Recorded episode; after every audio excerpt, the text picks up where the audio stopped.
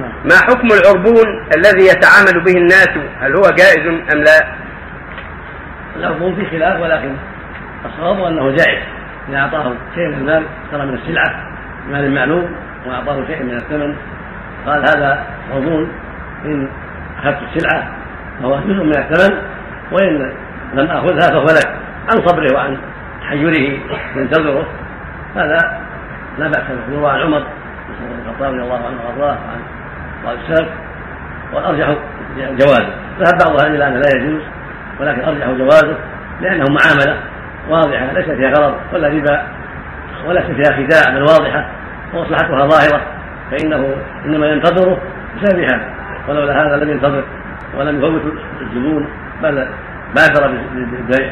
فإذا انتظره اليوم واليومين أو نحو ذلك فإن هذا قد يضره قد تفوته الزبائن فيكون هذا فيه جبر له؟ هذا العربون فيه جبر لما قد يقع له من نقص بسبب فوات الزبائن نعم.